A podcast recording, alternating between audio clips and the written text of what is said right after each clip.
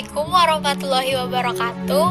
Saya Putri Dwi Mulyani akan membahas tentang urgensi Pancasila sebagai pandangan hidup dan dasar negara. Pancasila ini berasal dari bahasa Sanskerta, yakni panca artinya lima dan sila artinya dasar.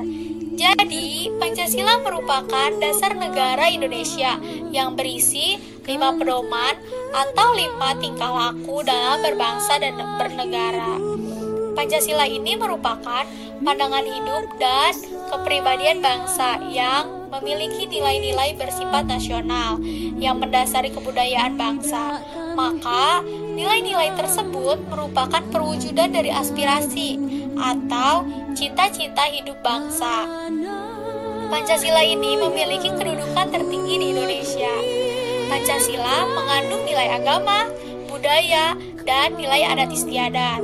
Dengan adanya Pancasila, perpecahan bangsa Indonesia akan mudah dihindari karena pandangan Pancasila ini bertumpu pada pola hidup yang berdasarkan keseimbangan, keselarasan, dan keserasian. Sehingga perbedaan apa pun yang ada dapat dibina menjadi suatu pola kehidupan yang dinamis. Dengan peraturan yang berlandaskan nilai-nilai Pancasila, maka perasaan adil dan tidak adil dapat diminimalkan. Hal ini karena Pancasila sebagai dasar negara menaungi dan memberikan gambaran yang jelas tentang peraturan yang berlaku untuk semua tanpa adanya perlakuan diskriminatif bagi siapa pun. Oleh karena itulah Pancasila memberikan arah tentang hukum harus menciptakan keadaan negara yang lebih baik.